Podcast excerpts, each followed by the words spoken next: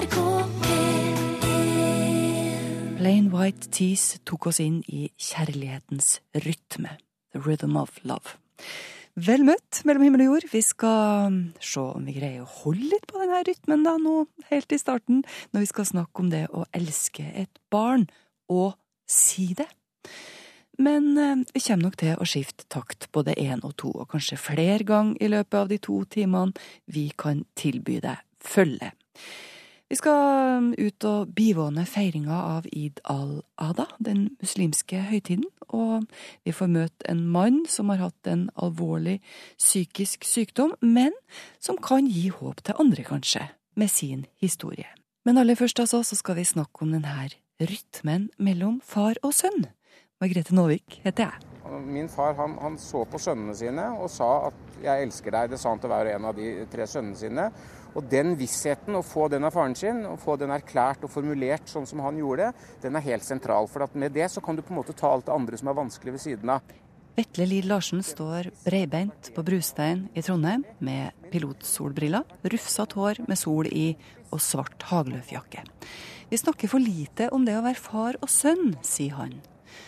Det oppstår ofte en uh, liten maktkamp mellom far og sønn, og faren hans, forteller Vetle, skuespilleren Lars Andreas Larsen, han tok relativt mye lys. Jeg måtte på en måte albue meg frem til en slags posisjon i skyggen av han. Det gjelder mange mange sønner, og det er en smertefull og vanskelig prosess. Ikke minst for faren, som føler seg ofte truet av en sønn som kommer og liksom stikker av med damen hans, for å si det litt billedlig talt. Så Man trenger ikke gå lenger enn til zoologisk hage og se på øh, hanngorillaen og hvordan gorillahannen er liksom flokkens hersker. og Så kommer de unge og prøver seg, og de blir banka opp de første syv gangene og trekker seg blødende vekk fra arenaen. Men den åttende gangen så blir sjefshannen detronisert, og så kommer det en ny sjef. Vi er ikke aper, vi mennesker. Vi er mye mer enn aper. Men samtidig er nok litt av denne kampen er også et element i et far-sønn-relasjon. Og det må vi bare godta og leve med, tror jeg. Men husker du den åttende gangen? Altså Husker du en, gang, en sånn situasjon hvor du tenkte at oi, nå er jeg sterkere enn faren min? Ja, jeg hadde jo et spesielt forhold til min far som, som, spisset kanskje denne konflikten enda mer, fordi at vi var på en måte to tjuver på samme marked. Vi var historiefortellere begge to. Så, så, så min kamp for å bli noe mer enn bare sønnen hans, den var nok eh, en kamp som mange sønner til markante fedre kan kjenne seg igjen i. ikke sant? Men jeg tror også at en, en, en, en rørleggersønn med en far som driver firma, og så skal sønnen overta det firmaet, jeg tror nok det er akkurat den samme biten. Han kan ikke bare gå og høre på far sin. Han må bli noe i seg selv. Kan det være så enkelt som at du blir løpt fra av din sønn, f.eks. hvis dere springer sammen? Ja, det, Fysikken er jo utgangspunktet for, for, alt her. fordi at så lenge faren din er fysisk oppegående, så er han og vil gjerne være en, en sterk mann. Alle menn Altså, Vi har jo ikke så mye så mange ben å stå på som, som, dere kvinner som har kanskje rikere sosiale nettverk enn oss og er flinkere i relasjoner og, og flinkere til å ha flere ben å stå på i livet. Men veldig ofte har egentlig bare kraften sin og det å være i støtet. Og når det tas fra dem, så blir de, det blir de veldig truet. altså. Vi er på sett og vis enklere, for å generalisere litt, men jeg tror det ligger noe i det. Så, så, for en mann å, å, miste den makten og bli den svakeste, det tror jeg er mye mer truende enn for en kvinne ofte. Han har eh, akkurat skrevet boka 'Hvordan elske en far og overleve'. Og her i boka så maler han ut denne prosessen mot å bli noe i seg sjøl. Vi kan få inntrykk av at det tok litt tid for hans del, og han bekrefter da jeg følte at jeg var sterkere enn faren min, var jo egentlig først da han ble syk. For faren min ble syk, han fikk alzheimer. Uh, og, og, plutselig så var han den svake, og jeg var den sterke. Plutselig i et øyeblikk så så han på meg, ikke sant. og plutselig så Det var nesten som en sånn isnende klo i meg, for jeg forsto med ett at nå var det jeg som var den sterkeste av oss. Og det var jeg Han trengte min hjelp, og ikke omvendt. Og det var et sånt klart eh, skremmende, forbløffende, overraskende øyeblikk. Ja. Mm. Men altså, kan du si at det skjedde noe med deg da, i etterkant? Det skjedde ikke noe mer med meg i etterkant enn at jeg er velkommen til livet, eh, rett og slett. Vi, vi kommer alle dit. Vi er alle foreldre. Vi blir alle de eldste. Vi må alle ta vare på våre foreldre, eh, enten vi vil eller ikke. Eh, man blir jo aldri far eller mor til sine foreldre, men man blir den største og den sterkeste, altså. Så det er et sånt sentralt skifte i alles liv egentlig forbløffende lite skrevet om i litteraturen. Og, og, og, jeg har sett lite som handler om akkurat det. Men jeg tror det er et skjellsettende øyeblikk for de fleste av oss. Han snakker fort og mye om det å være sønn, men han er far også. Så hva var det han fikk av sin far som han har lyst til å gi videre? Jo, han vil se barnet sitt i øynene og si 'jeg elsker deg'. Magiske ord, sier han. Og man må ikke tro at, at du kan komme slepende med et, et, et badmintonsett, og så skal liksom ungen skjønne at det badmintonsettet betyr at, uh, det, at, at, uh, far elsker deg. Det må sies. Eh, det er magi i de ordene. De, de, skaper sin egen virkelighet, faktisk. sånn at hvis man bare greier det, så er nesten halve jobben gjort. Da kan man gå og ta seg en øl og slappe av, for da har man gjort noe veldig veldig viktig. Da har man sagt de forløsende ordene som alle døtre og sønner vil høre. Når det er sagt, så er det jo en rekke andre ting selvfølgelig også, ikke sant. Hvis jeg bare får smette inn det, for det, det, høres jo veldig enkelt ut. Det er jo ikke alle som har det her språket. Eh, ja, det høres enkelt ut, men vet du hva? Å si at jeg elsker deg til et barn for en mann, det tror jeg ikke er så veldig enkelt. Jeg tror på mange måter at, at det er både Kan hende at det er vår styrke noen ganger, men det er også vår begrensning. Og det tror jeg man skal, man skal ta seg selv i nakkeskinnet for å få det til, faktisk. Jeg tror ikke det er så lett å si det, så man må nesten øve på det. Snakker av egen erfaring og andre menn jeg kjenner. Og husk på én ting, jeg er ikke noen sånn myk mann som driver med i noen mannegrupper eller noe sånt. Jeg, jeg, jeg syns det er greit at menn er menn og kvinner er kvinner. Men jeg syns akkurat her så, så, så, tror jeg at man kan gjøre en, en bedre jobb som mann, da. Uh, i forhold til barna sine. Øver du foran speilet? Liksom? Du kan jo stå ikke sant? Altså, du kan jo stå foran speilet. Du kan jo gå Når du går i byen og skal ha, handle jaktgevær, så kan du jo trene i, i speilruten før du går inn i, i, butikken. Så det er jo mange steder man kan gjøre dette på. Men man skal i hvert fall ha en, for, en visshet om at den erklæringen er sentral. da. Så Det er det ene. Det andre er selvfølgelig at man må også tørre å pushe barna sine litt man overfører verdier hele tiden, også ved å la være å si noe. Man overfører, eh, man overfører verdier hele, hele, tiden, også ved å la være å si noe. Så man bør være klar over hva man sier. Man skal ikke være engstelig for å, å råde og være en autoritetsfigur. Og så får man la barna trosse den autoriteten. da. Det trenger de nemlig også. Mm. Det, var, det var litt den feilen min far gjorde med meg. Han var så god kompis med meg at han aldri egentlig ga meg et godt råd om fremtiden min, f.eks. Og jeg trengte en far som sa noe til meg, så jeg i hvert fall kunne gjøre opprør mot det. Men det gjorde han egentlig aldri. Nei, det ble vanskeligere å gjøre opprør, rett og slett? Ja. Tok lengre tid? Ja, jeg gjorde opprør på andre områder. Men, men så, sånn sett så kan du si at jeg gnåler på datteren min om, om, alt fra å spise og lese og alle ting som jeg vil overføre. Stakkars. Og hun har jo fått for, for den biten. Men, men uh, hun spiser i hvert fall ansjos, så noe har jeg oppnådd. Så der, der, jeg, der klapper jeg meg selv på skulderen. Det er Vetle Lid Larsen som er full av tanker om hva det er å være far og sønn. Bud nummer én som far, da, sier Vetle. Fortell ungene dine at du er glad i dem. Har du tanker om det å være far eller sønn eller mor eller datter for den saks skyld? Eller bestemor eller bestefar? Del gjerne med oss på himmel og jord, krøllalfa, nrk.no, eller på Facebook-sida vår NRK Livet. Der er det også bilde av eh, Vetle og mange andre av våre gjester. NRK Livet, altså. Mellom himmel og jord hver søndag. Elisabeth Norheim lager middag. Tikka masala til C og Benjamin på 19 år. Hva har du gjort på jobb i dag, Benjamin? Jeg har um, sittet på PC-en siden jeg jobber med IT. Jeg har tatt turen til mor og sønn på Kjelsås i Oslo, fordi Elisabeth har ei spennende historie å fortelle om å bry seg. Husker du noen ting av alle de tingene vi har snakka om, alle de folkene i Skien og sånn, som stilte opp når jeg var gravid? Vi har sikkert pratet om det, men det er mange år siden, så jeg har ikke tenkt på noe av det etterpå. Men mora husker som om det var i går. Den uventa hjelpa hun fikk da hun trengte det som mest. Jeg ble gravid da jeg var 24. Bodde jeg i Stockholm. Men kjæresten hennes ville ikke ha barn, så graviditeten måtte Elisabeth klare alene i en fremmed by. Og da jobba jeg som hjelpepleier. Hadde, liksom noe, hadde ingen penger, hadde ikke noe særlig møbler. hadde liksom ingenting. Det var ingenting som lå til rette på noe som helst måte for at det skulle være en god idé å bli alenemor da. Når venner hjemme i Norge, nærmere bestemt Skien, fikk eh, høre hvordan det sto til med Elisabeth, ja, så tok de affære. Jeg hadde to kamerater som helt sånn på eget initiativ kjørte til Stockholm, pakka ned hele leiligheten min i Stockholm og kjørte hele flyttelasset mitt hjem til Skien. En kamerat av meg i Skien, som da var han taxisjåfør, han fant ut at den leiligheten han bodde i, den var så fin at den passa jo perfekt til meg og en baby. Så han flytta fra sin leilighet og to etasjer ned i det samme bygget. Så når jeg da kom til Skien, så kom jeg til en ferdig leilighet der de hadde vært liksom på Fretex og henta ting, og henta ting hos foreldrene sine, og i det hele tatt ordna og pakka ut hele flyttelasset mitt, da. Men eh, hjelpa stoppa ikke der. Nå stilte venners venner opp for å støtte Elisabeth. Jeg var ekstremt sjuk hele tida mens eh, jeg var gravid. Jeg liksom kasta opp hele tida, så jeg lå mye på sykehus og sånn. Så de bytta på å komme hjem til meg hver eneste dag hele, i de hele ni månedene. Kom hjem til meg, laga mat, passa på at jeg hadde det greit, og, og besøk, besøkte meg på sykehuset, eller kjørte meg til legen, eller Så de hadde litt sånn skiftordning, da.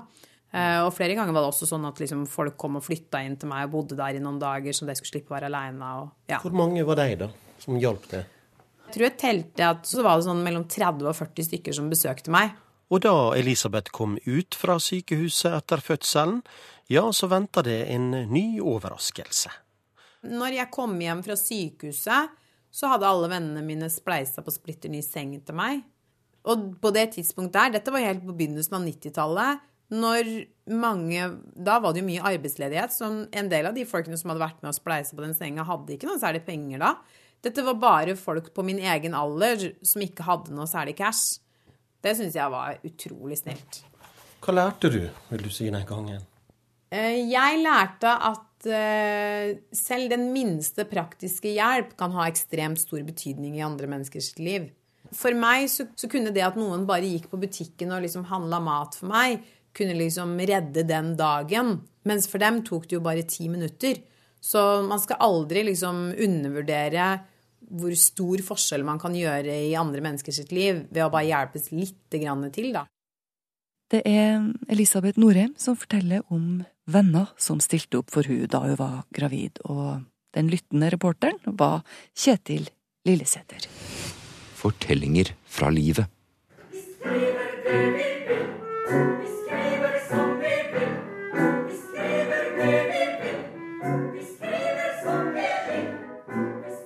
Troll, glade bloggere og fitnessguruer. Det her er noen av figurene man kan møte i operaen Kommentarfeltet, som hadde urpremiere nå på tirsdag på Trøndelag Teater. Alle vil dele seg og sitt, og ingen er egentlig det de gir seg ut for å være.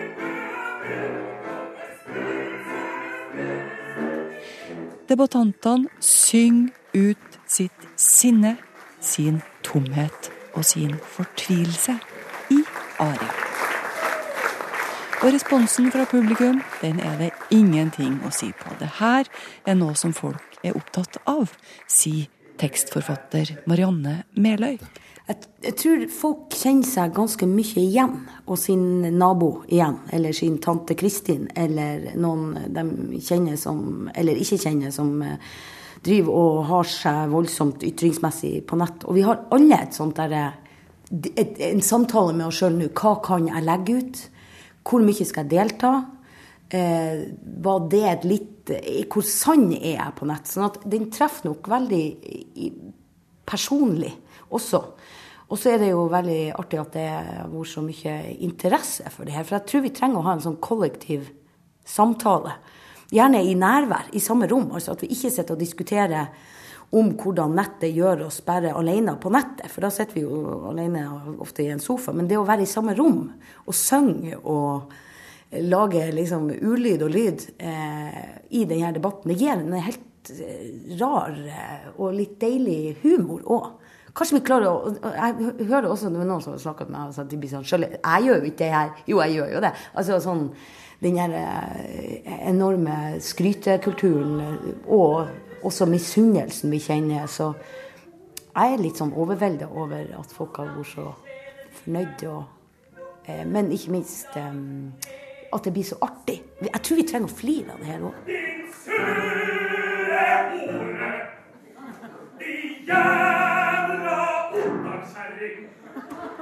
Du sprer bare drit og er Men dette å velge, du var så vidt inne på det, men dette å velge operaformen, Ja. det er vel kanskje noen som synes at det er kanskje Ja, det er litt spesielt. ja, ja, for det er jo en gammel form. Eh, Storhetstida, barokken, kan man si, opera derifra er jo eh, Men det minner meg om det, på en eller annen måte. Eh, kommentarfeltene. For det er en ganske liten avstand mellom tanke og utfall. Eller eh, Og det er jo eh, Det er noe barokt over det der. Og de sterke følelsene. Og jeg er jo veldig glad i musikkdramatikk som ikke Som på en måte kanskje Musikken forteller hva man føler, og så er det ordene eh, forteller om hva vi legger ut. Og det ligner jo veldig på hvordan jeg har det. F.eks. når det gjelder nett og sånne ting. Så at, og så er jeg veldig glad i opera. Jeg syns at det liksom er sånn Jeg blir både litt lattermild ut av operaformen, og det er det òg lov til. For det er så sterke følelser. Det tar liksom så voldsomt eh, av. Samtidig som, som jeg ofte blir veldig berørt av aria. Eller sånn når søng, folk synger oppriktig fra sitt hjerte. Det er jo eh, hva, det, hva det menneskestemmen kan få til å uttrykke. Eh, operasangere. Og hoi! Ja, vi skriver hva vi vil, akkurat det er det vi gjør. Og det her var avslutninga på operaen Kommentarfeltet av Trygve Brøske og Marianne Meløy. Jan Rye Ravnestad var vår utsendte nede på teatret under Kammermusikkfestivalen i Trondheim. Hei, jeg heter Arnfinn Christensen. Jeg er forskningsjournalist. Jeg står foran Vitenskapsmuseet her i Trondheim. Nå skal jeg gå inn og snakke mer om kunstig intelligens, og hvor langt den kan utvikle seg i årene som kommer.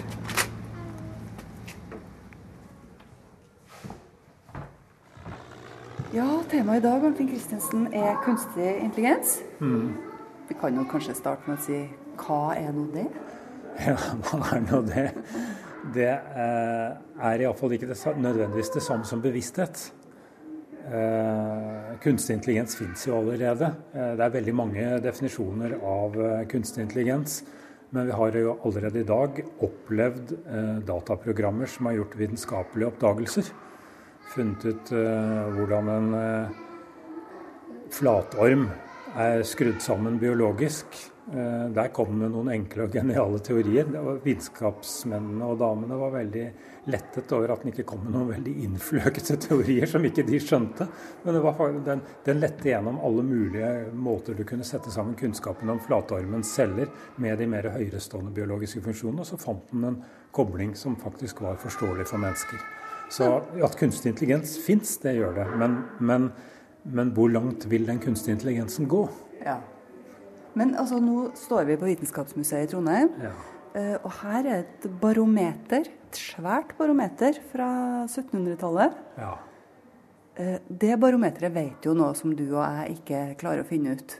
Går det an å kalle det kunstig intelligens? Ja, Det er et veldig artig spørsmål. fordi barometeret, Hvis jeg snur meg med ryggen til dette barometeret, så vet barometeret lufttrykket her i rommet, og jeg vet det ikke. Men så er spørsmålet om barometeret. Vet barometeret lufttrykket i rommet? Det, det, det, det er et filosofisk spørsmål. Det uttrykker lufttrykket i rommet, men for at det skal gi noen mening som lufttrykk i rommet altså det, Dette her er menneskeskapte begreper. Og det er menneskenes måte å forholde seg til virkeligheten på, å beskrive virkeligheten med språk, når vi kaller det lufttrykk. For lufttrykk det er ikke noe som luften vet om, og det er heller ikke noe som barometeret vet noe om. Og Da kommer vi igjen inn på dette her med bevissthet. For ok, det dataprogrammet klarte å finne noen lovmessigheter i hvordan denne flatormen var bygget opp. Men dataprogrammet sa ikke Eureka! Hoppet ut av badekaret og løp nedover gata i ren begeistring over sin egen oppdagelse. Eh, Barometeret vet ikke at det vet det. Nei. Det bare viser det. Ja, ja. Det er vi menneskene som ser, tolker, skaper mening inn i dette her hele tiden. Mm. Og da kommer vi til det spennende spørsmålet vil maskinene noensinne selv begynne å skape mening? Og hva er mening? Men er det noe som vi må passe oss for, eller er er maskinene helt avhengige av oss for at det skal skje noen ting? Det er absolutt noe vi må passe oss for. Jeg tenker at uh, verden er grunnleggende forferdelig skummel. Altså, det lurer livsfarlige uh, katastrofer på hvert et gatehjørne i livets lange historie. Bare tenk på forhistorien, hvor det var utryddelseskatastrofer som tok livet av nærmere 90% av alt liv på jorda. En del av disse katastrofene renset ut i biologien sånn at nye arter fikk en plass. Og vi må kanskje kunne takke disse katastrofene for at vi finnes i dag. Så det er veldig sammensatt. Men at det er skummelt, det er helt sikkert. Og at disse kunstige intelligensene på mange måter kan ta over for oss, det er heller ikke utenkelig. Men på kort og mellomlang sikt så vil jeg si at vi har mye mer å vinne, og særlig hvis vi er oss disse farene bevisst. Det er sånn det er med alt nytt vi mennesker lager. Tenk på øksa. Den kan du både kløyve skallen på fienden din med, og hogge ved til familien din så de får det varmt og godt i hulen sin med. Alle verktøy kan brukes og misbrukes, og det kan den kunstige intelligensen også. Verdens kanskje mest kjente fysiker, Stephen Hawking, han har sagt at uh, kunstig intelligens kan bety slutten for menneskeheten. Ja, eh, også Elon Musk, som eh, lager Tesla-bilene og eh, driver romfirmaet SpaceX, har advart mot kunstig intelligens. Så dette er vi helt sikkert nødt til å holde nøye øye med. Men det er akkurat som ilden, så er den spennende å leke med. Og den gir oss varme, men den er farlig. Ja, Arnfinn Christensen han er mannen som filosoferer rundt hva teknologien gjør med oss mennesker. Og neste gang eh, Arnfinn dukker opp, så spør han fins det en stor teori om alt. Intet mindre. Den uka her så døde over 700 muslimer etter at de ble trampa ned da det oppsto panikk og trengsel under den årlige pilegrimsferden til Mekka. Ulykken skjedde på ferdens siste dag, en dag som i muslimsk tradisjon skal være forbundet med fest og moro, for å markere at nå, nå er årets reise, haji, over. Før de tragiske nyhetene kom, så var muslimer rundt omkring i verden i gang med den religiøse festen Id al-Adha. Også i norske hjem. Vi skal derfor for en liten stund legge til side det triste som har skjedd, og høre hvordan en id-feiring er. Vi blir med til en moské i Trondheim. I rommet så kan du se mennesker ta hverandre i hånda, dele ut klemmer og høre dem si de her ordene til hverandre. Uh, Id mubarek. Mm. Hva betyr det? Uh, gratulerer med uh, høytiden. Fra et hvitt hus i Trondheim sentrum kan en høre bønnerop. I et rom i den øverste etasjen taler muslimene sin prest, imanen. Framfor han sitter mennene på teppet. Seremonien blir videooverført til etasjen under, der kvinnene og barna sitter. I dag har alle pynta seg, spesielt kvinnene og barna. Fargerike hovedplagg og kjoler Rosa, gul, lilla, rød og kanskje litt paljetter.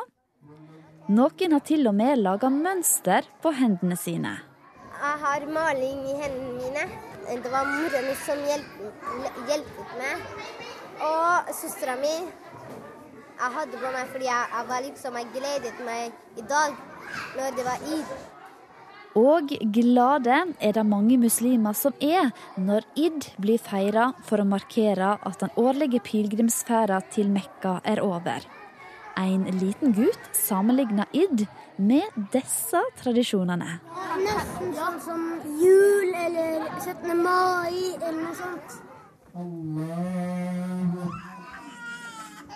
Seremonien i moskeen varer i rundt en halvtime.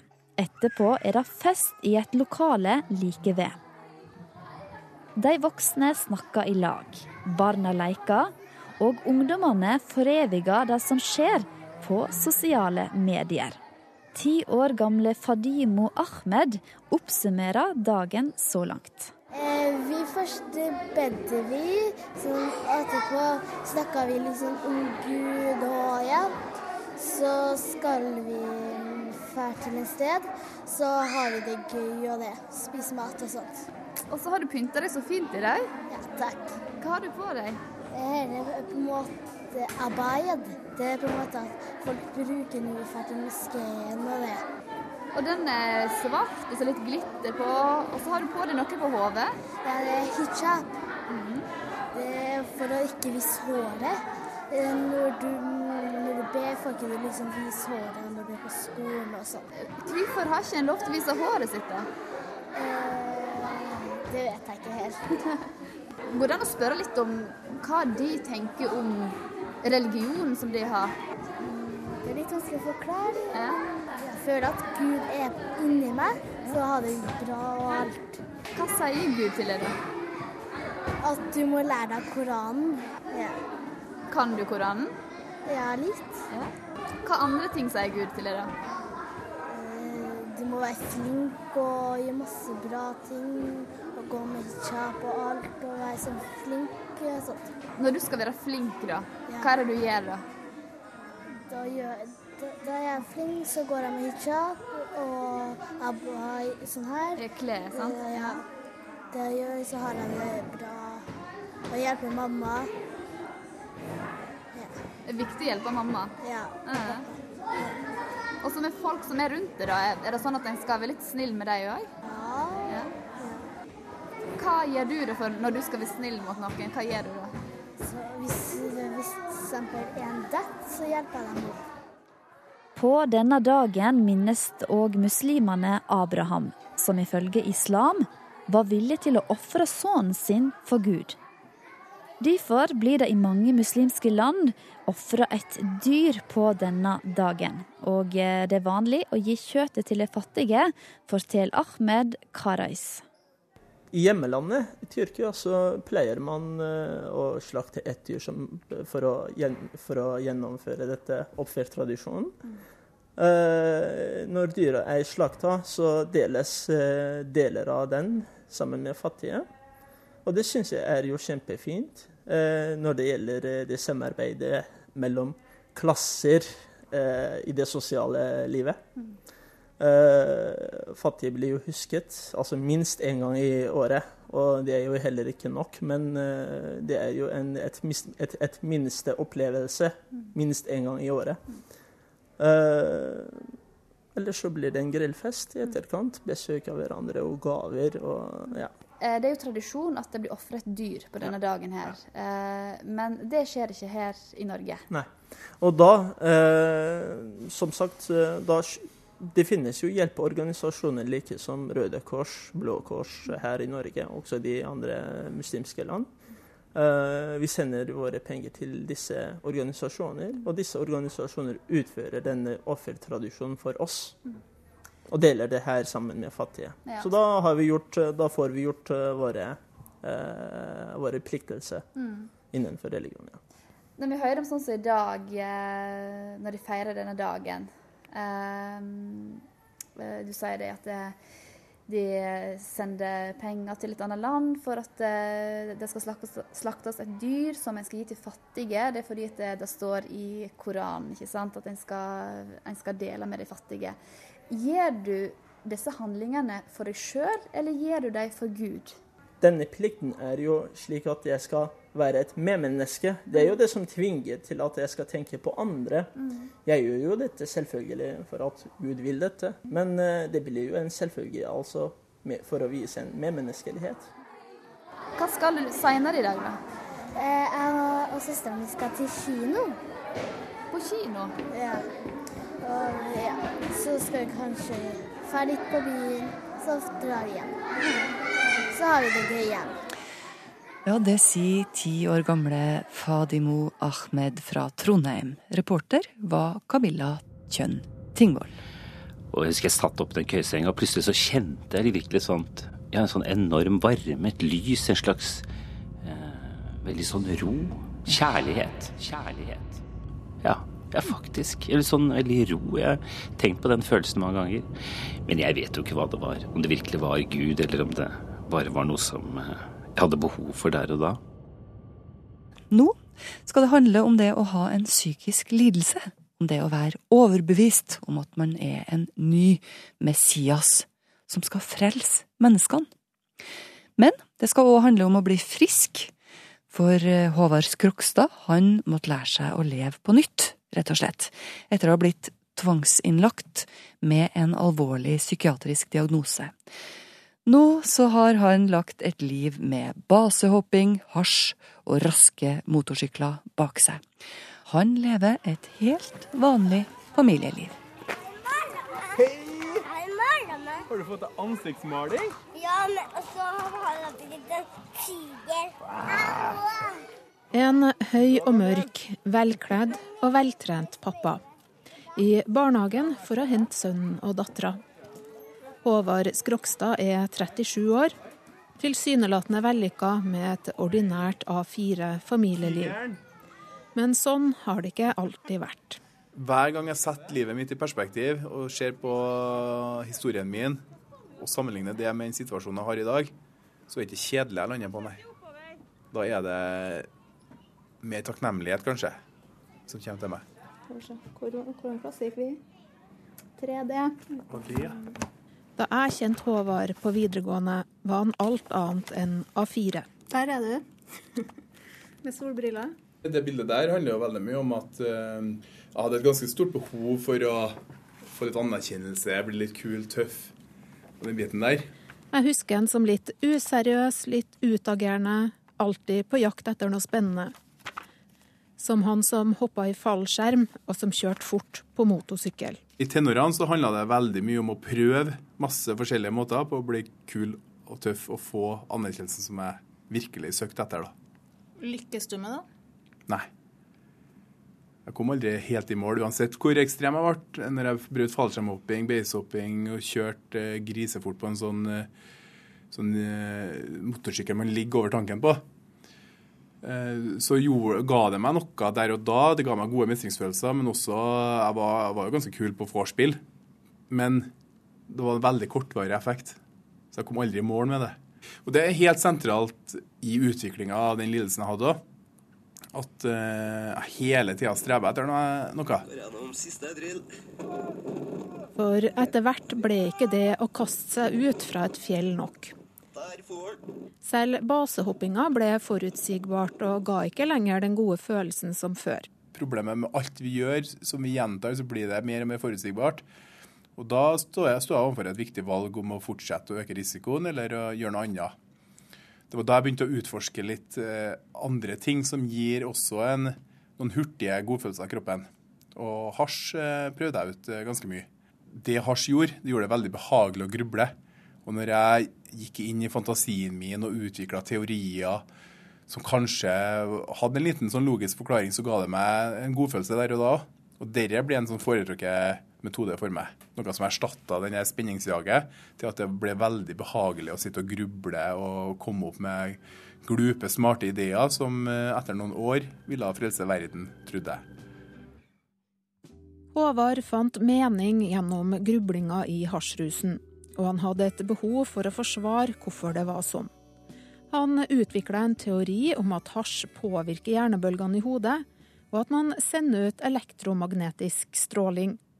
Etter hvert trodde han at hjernen hans også kunne ta imot sånne stråler i form av intuisjon. Jeg begynte å tro på at uh, intuisjonen min er kanskje noe som gir meg en guiding i livet. Noe som uh, gjør at ting er ment å bli. For at det leder meg på en riktig sti, eller hva jeg skal kalle det. Så jeg begynte å få bekreftelser på at ja, dette var jo ment å bli. Og så begynte jeg å bli mer og mer opphengt i at det som skjedde meg, det som uh, jeg tenkte og det jeg følte, det var noe som eh, kom til meg fra denne kollektive bevisstheten eller universelle energien eller eh, hvilke teorier jeg fant på det. Håvard var så opptatt av teoriene sine at han brukte flere hundre tusen kroner på bøker om religion og selvutvikling. Han begynte å sove mindre og mindre, og våkna etter hvert etter bare to timers søvn. Og Da var det ikke sånn at ringeklokka vekket meg, men jeg våkna av meg sjøl, lidenskapelig motivert for at når tankene mine var ment å bli, noe som kom til meg fra noe større, så følte jeg jo at det der var virkelig viktig, noe betydningsfullt.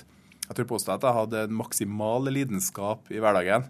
Men den der drive, driven for å for å strukturere de signalene som kom til meg fra noe større, i den hensikt å frelse menneskeheten, som jeg trodde det var. Ja, hvordan skulle du få til det? Ja, det ville intuisjonen og det som var ment å bli, guide meg til eh, etter hvert. Bare tilfeldigheter gjør at Håvard Skrokstad ikke ble drapsmann som 24-åring. For en regnfull, mørk kveld han var ute og kjørte i Oslo, hvor han bodde på denne tida, susen rett gjennom det store lyskrysset på Carl Berners plass. Speedometeret viste 140 km i timen, og det var rødt lys. Men det sykeste, det som gjorde dette her virkelig gjorde det til galskap, da, det var holdninga mi hvor jeg var fullstendig avslappa og trygg. Helt eh, Hadde en total ro om at eh, det her ville ordne seg. For at eh, intuisjonen min kom jo fra noe større enn meg sjøl. Og det trumfa traf trafikkreglene, så jeg ble guida gjennom det her veikrysset. Selv om jeg kjørte på rødt og veldig fort. Så jeg hadde en helt komplett trygghet om at det ville ordne seg. Jeg var helt avslappa. Og det gjorde det ganske sykt. Jeg kunne ha tatt livet av en familie eller noen andre, og på et blunk blitt en eh, belastning for mange pårørende. Ikke lenge etter tok vennene til Håvard grep. En av dem foreslo at de skulle ta seg en tur til legevakta. Håvard ble gjerne med, for det her var jo meant to be, og han skulle endelig få fortelle hvordan verden henger sammen. Men det gikk ikke helt sånn som han hadde tenkt. Når jeg mista grepet nedpå der, så var jo neste steg at eh, politiet kom. Eh, tok meg håndjern for å være på den trygge sida, og kjørte meg til akuttpsykiatrisk i Oslo. Var det så alvorlig? Ja, jeg var jo klin gæren. Hva tenker du om det i dag? At jeg var klin gæren. Jeg var virkelig ute å kjøre. Altså Når jeg eh, dundrer gjennom et veikryss i Oslo på rødt i 140 km i timen, da er det ren og skjær galskap, uten tvil. Og jeg var gal. Jeg husker hva jeg tenkte, husker hva jeg følte.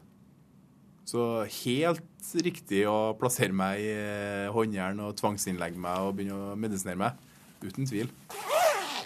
Håvard Skrokstad tar på en grå treningsjakke og blå joggesko i gangen hjem på Lade i Trondheim. Han skal ut på en av ukas mange joggeturer. For nå er trening avgjørende for at han holder seg frisk. Det er det som er virkemidlet mitt for å for å styre tankene mine, da, for å ha kontroll på tankelivet mitt. At jeg velger de tankene gir betydning. Da springer jeg meg en tur, jeg. Ha det.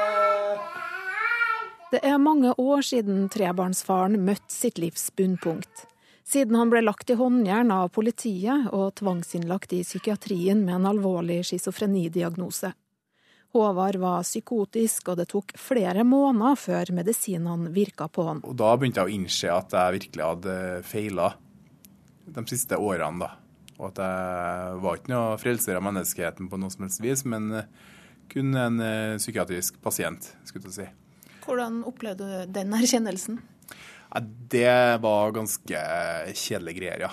Det var som å ta fra meg alt i livet. Jeg har alltid vært veldig indre motivert. altså Veldig viktig for meg har vært tankelivet mitt. Og når det blir slått av, kombinert med at jeg innser at jeg har tatt massivt feil, så gikk jeg rett ned i kjelleren. Jeg bodde sammen med en barndomskompis på den tida der. Og målet var så å komme meg opp av senga før han kom hjem fra jobb. Og han hadde en vanlig 8-4-jobb. De fleste dagene klarte ikke jeg det, og han måtte dra meg opp av senga. Og det å opprettholde en vanlig hygiene med å dusje hver tredje dag var et sånt gigantisk ork. Jeg mista virkelig viljen for å leve, og det var en fæl følelse, rett og slett. Håvard Skrokstad la på seg 30 kilo på tre måneder etter at han begynte på medisinene. Da han slutta med medisiner etter to år, gikk det ikke lenge før han utvikla en ny psykose. Denne gangen ble behandlinga en annen. En privatpraktiserende psykiater ville prøve å få Håvard frisk uten bruk av medisiner.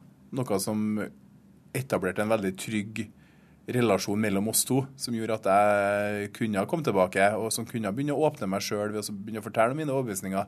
Uten å være redd for at uh, han skal begynne å medisinere meg. da. For det var noe jeg var virkelig imot på det stadiet. Og at følelsene mine er noe som kommer til meg fra noe større i meg sjøl, noe utafor meg. Det var en viktig overbevisning i mitt liv å begynne å rydde opp i. At det var noe som kom til meg fra inni meg, altså noe biokjemisk.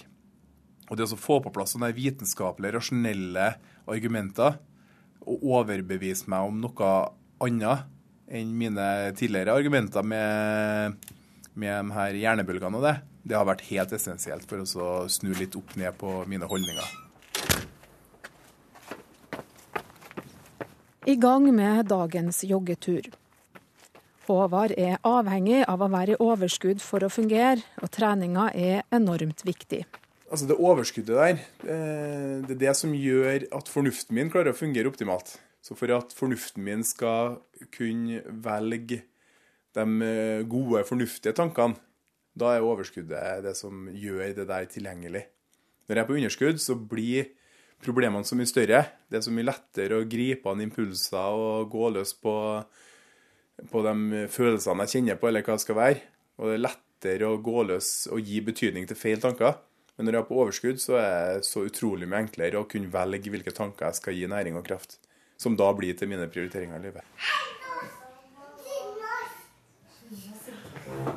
Familien på fem på Lade i Trondheim har også gjort en del verdivalg for å ha mer overskudd totalt sett. De har rolige dager fordi kona Heidi Asp Skrokstad stort sett er hjemmeværende. Jeg syns jeg er heldig. Så jeg føler ikke at det er noe offer, nei. Det er tvert imot, egentlig. Jeg syns det er gull verdt. Men så er det kanskje ekstra viktig for meg òg, da. Med tanke på min bakgrunnshistorie. Så er det kanskje litt ekstra viktig at eh, å få realisert litt drømmer og passa på overskuddet, og det krever litt mye tid. Nå håper Håvard at psykisk helse blir et eget fag i skolen. For selv om det er svært få som blir like syk som det han har vært, mener han at kunnskap om hvordan hjernen fungerer er en viktig ballast å ha med seg inn i livet. Psykiske lidelser handler mye om å bruke tid på unyttige tanker.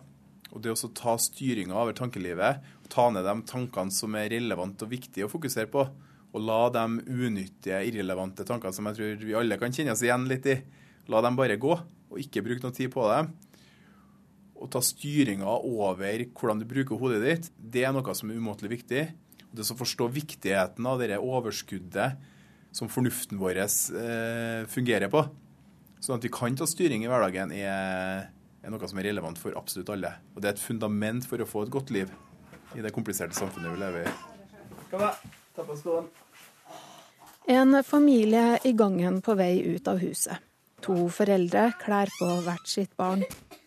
Fortida til Håvard Skrokstad er en del av hverdagen, men legger ikke en demper på familielivet. Eh, nei, det tenkte jeg mye på i starten, men det tenker ikke jeg på lenger nå, nei. Nå er jeg på en måte ferdig tenkt. jeg er verken bekymra eller ja, syns heller det er positivt. Han er jo en del av den, det han har vært gjennom. Det er jo blitt en del av han, så det er jo egentlig veldig mye positivt som har kommet ut av det òg. Hva da? Måten han lever livet sitt på, måten han er på. Tar tak i ting. Eh, veldig sånn tenker ting og gjør det. Og ja, måten han er til ungene på.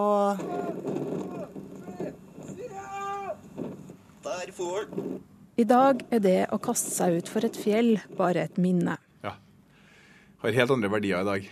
Men du savner ikke? Ja, av og til så savner jeg det. Det er jo veldig mye fristelser jeg kunne tenkt meg på av og til. Men de verdiene jeg har i livet nå, og det jeg eventuelt skulle ha risikert med å røyke noe hasj, eller hoppe noe beis, eller kjørt noe motorsykkel, eller hva det skal være, det, den risikoen er langt ifra verdt det. Ja, Musikken vi hørte i innslaget her, den uh, var det Håvard Skrokstad, hovedpersonen, som ønska seg. Vi hørte Thomas Dybdahl synge If We Want It, It's Right. Vi hørte også filosofen Arne Næss inni der, og reporter var Lise Sørensen.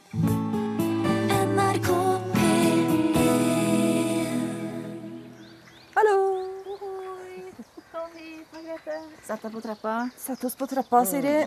Siri Spillum, mm. som snakker om det å bryte mønstre mm. mellom himmel og jord. Ja. Ja. Uh, I dag så skal vi snakke om uh, en type som jeg kjenner godt, i hvert fall. Bekymreren. Ja. Oh. ja. Ja, men Hvem er det som ikke kjenner bekymreren? Ja, vi er kjenner jo Ja da. Jo, nei, ja, kanskje noen. Jo, bekymreren, da. Du bekymrer deg for barna dine. Du bekymrer deg for mora di. Du bekymrer deg for at du tror du kan ha kreft. Ja. Du bekymrer deg fordi at du ikke har nok penger. Du bekymrer deg for at du ikke kan nok. Du bekymrer deg for at du ikke er fin nok. Du bekymrer deg for så utrolig mye. Er det noen slags forberedelse? Altså at du forbereder deg på ting som kan skje? Ja, det verst tenkelige. Ja. Ja. For et valg. Men- Å bekymre seg for at skal, det verste skal skje. Mm. Istedenfor å gå inn da i det beste som kan skje. For det er jo gjerne sånn at vi tiltrekker oss det vi tenker på. For det gjør jo det. Har du lagt merke til det, du òg? Ja. ja. Når du tenker noe sånn fint og ålreit, noe positivt, noe framoverretta, så går det jo mot den retningen. Men hva skal vi med disse bekymringene da? Ja. Det kan være, eh, av og til så kan det være greit nok å ha en bekymring, så at eh, det kan være ganske naivt å ikke ha det også. Mm. Så de, de er der Mm. for noe. Men man kan jo dempe det betraktelig, da. Mm. Mm. Det er litt sånn sutrete å være bekymra. Nei, jeg får nå ikke til det. Nei, jeg må nå tenke på det. Nei, jeg må nå se. Nei, jeg vet ikke. Altså, det er så nedpå. Men har det noe sammenheng med fantasi, da? Trenger ikke å ha det heller, men man fantaserer jo da der hvor det verste kan skje. Mm. Og vi fantaserer jo like godt der det er godt eller dårlig, om det er godt eller dårlig. Så hvis vi har eh, bekymrer oss i overkant, da, Mm. så bruker vi jo da, det er riktig som du sier, det, vi bruker jo fantasien vår da på det verste. Dårlig bruk av fantasi? Dårlig bruk. Hva gjør vi med dette, Siri? Nei, hvis du kjenner deg igjen, og at du har eh, i overkant av bekymringer, så er det bare å begynne. Med en gang du tenker en bekymra tanke, eller sier noe sånn Herre går aldri bra. Herre går aldri, herre går går i dass. aldri bra. Ja. herre får jeg ikke. Så, så, så tenk deg om, da, at skal ikke du slutte med det her og tenke at jo, det her skal jeg få til. Jeg f.eks. kan tenke, eh, når jeg er ute og kjører bil, i byen, da Jeg er ikke så god på lukeparkering. Og da kan jeg bekymre meg på forhånd. og så kan jeg tenke Gud, jeg håper jeg finner den der bakerste plassen. Mm. Så jeg, så jeg slipper å ja. Ja. Og jeg har nå kjørt bil nå i 30 år. Men jeg har jo ikke lært meg ennå å lukeparkere. Sant? Men eh, det går bra. Ja da, det går bra. Vet du hva? En dag her så måtte jeg parkere, jeg hadde det travelt. Da gikk jeg ut av bilen og så en fyr som kom gående på fortauet. Og så spurte han du, kan du hjelpe meg å lukeparkere? og han ble så flirfull, så sa han selvfølgelig skulle han gjøre det. Og så gjorde han det, og så tenker jeg ja ja, da hadde sikkert han en fin eh, lunsjhistorie på gang.